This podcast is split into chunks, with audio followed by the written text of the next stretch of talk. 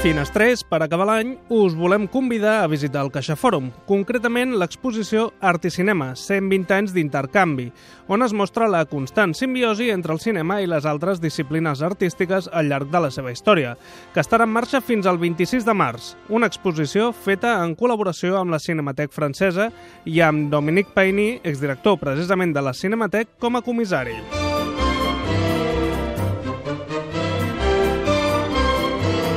Allà ens va rebre el Valentí Ferràs, director del Caixa Fòrum, que ens va introduir a l'exposició. Nosaltres, de fet, basem la nostra programació en relacions amb moltes institucions de museístiques i on la Cinematec francesa doncs ja hi tenim una relació establerta. Vam fer ja una exposició en el passat i es tracta d'anar renovant una miqueta aquelles aquelles possibilitats, aquells projectes que poden sorgir d'una interpel·lació nostra o que bé la Cinemateca està pensant. No? I de fet Dominic Paini, que és el comissari d'aquesta exposició i que havia sigut director de la Cinematec francesa, estava pensant en abordar el que seria una exposició enciclopèdica en el bon sentit, perquè realment és molt didàctica, gens pesada, i que permetés anar des dels orígens de la història del cinema fins a l'any 2010 i a més a més amb una relació amb el que ha sigut el contínuum de l'art. I al final el que, el, que, el que ens ha motivat ha sigut poder presentar aquesta dualitat, no? és a dir, com al segle XX, independentment de quin sigui el mitjà, tots els artistes, siguin cineastes o siguin artistes plàstics, han utilitzat els mateixos temes, uns abordats amb el pinzell, uns abordats amb el cinzell de fer una escultura o bé amb la, amb la càmera. El Valentí ens va deixar en mans de la Mireia Ferrero, educadora del Caixa Fòrum. Bé, bueno, l'exposició està oberta amb l'horari habitual del centre, és a dir, de cada dia de 10 a 8, i a partir d'aquí hi ha diferents tipus d'activitats que relacionen amb l'exposició. Hi ha conferències, hi ha projecció de cinema, i per tal d'aproximar-se a l'exposició sí que hi ha uns tipus de visita diferents. Doncs vinga, va, tipus de visita. Una visita comentada, en què es fa un petit itinerari, un petit tastet sobre algunes obres de l'exposició. També tenim eh, les visites dinamitzades, que són més per un perfil escolar o més, més didàctic. Tenim els cafès tertúlia, que són un format que dura unes dues hores i el que tracta precisament és de generar debat entorn a l'exposició hi ha una mitja hora d'introducció sobre alguns temes de l'exposició, se fa una visita comentada d'una hora i l última mitja hora ja amb un cafè a la mà, no? que és un espai més distès, ja es, ja es debat no? sobre el que s'ha vist en l'exposició. I la familiar, la familiar que són aquestes visites no? multiedat, no? en què fills i pares i mares doncs, venen no? i el que s'intenta és que d'una forma més lúdica eh, descobreixin en aquest cas la relació entre art i cinema.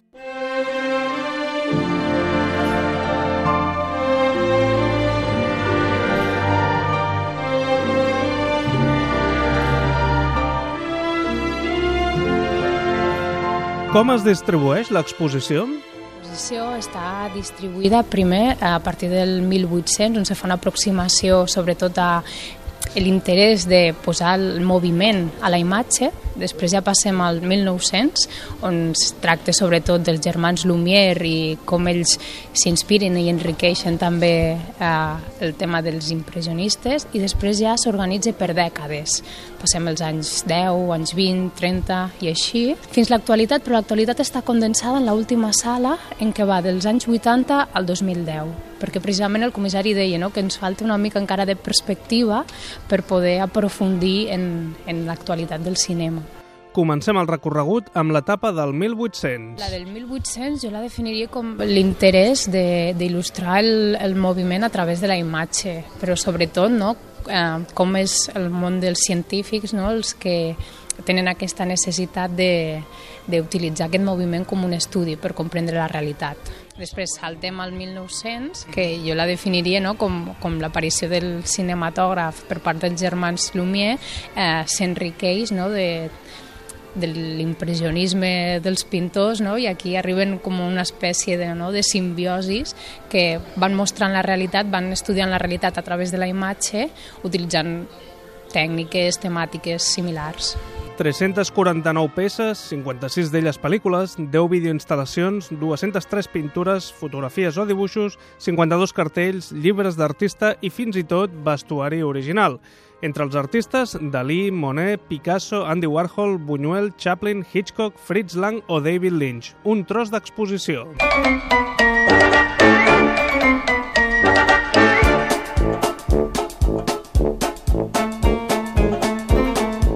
Seguim caminant a través de les dècades. 1910.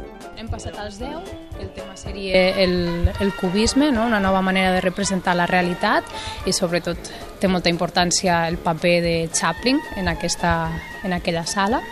I després ja passem als anys 20, on s'abandona no, la figura humana i l'objecte per, entrar, per introduir-nos en el moviment a través precisament de figures geomètriques. Als anys 30. Sí, aquí el tema central no és això, és el surrealisme, la incorporació d'aquesta idea de l'inconscient, dels somnis, a, eh, a la pel·lícula.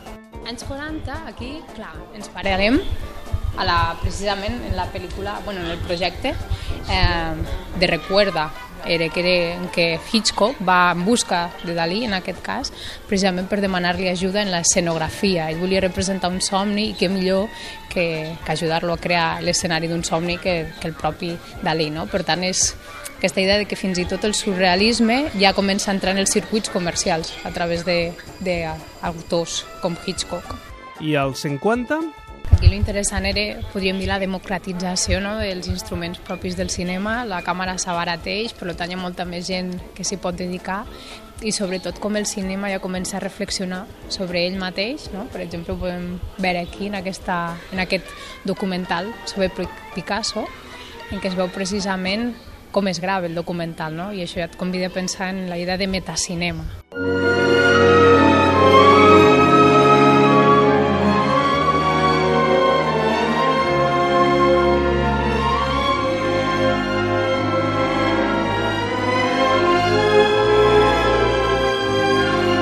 Per cert, també podrem trobar sales més educatives i interactives. És un espai interactiu, és l'espai educatiu de l'exposició, però la gent hi pot accedir lliurement, no es necessita cap espècie de monitoratge ni res. Aleshores consisteix precisament en... Tu vas fent com la teva la teva pel·lícula a través de, del que diríem els GIF, no? Vas fent fotografies i finalment s'ajunten aquestes fotografies i fa la seqüència.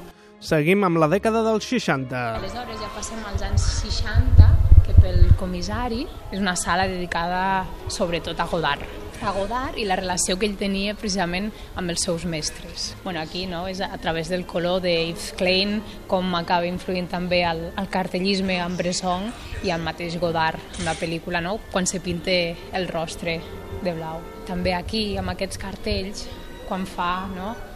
Aquesta, aquesta retrospectiva no? a, a Jean Cocteau amb les mans, la presència de les mans no? I, i la mateixa presència de les mans a, a la Femme Marie. I aleshores passaríem al 70, que és enmig no? de tota aquesta revolta estudiantil, com el cartellisme del cinema no? també serveix per a, per a mostrar aquestes reivindicacions i sobretot quan s'inicia eh, aquest videoart, podríem dir com el cinema ja s'introdueix al museu. Bueno, incorporar no, tot el tema de, del videoart el que fa és precisament modificar les arquitectures dels museus i així bueno, la idea no, de, de, de concebre eh, l'espai museístic de forma diferent a través de la incorporació del cinema i entendre també que el paper del públic és un paper eh, diferent a l'hora d'entrar al museu.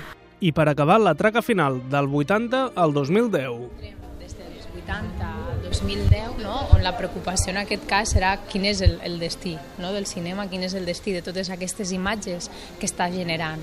Comencem amb la història de l'art que fa el propi Godard a través de, del cinema i també s'introdueixen altres artistes contemporanis que ens porten a reflexionar sobre els formats i què farem ara no? quan tenim un, un bombardeig d'imatges constant que fa sovint no? que siguem incapaços de recordar moltes d'aquestes imatges.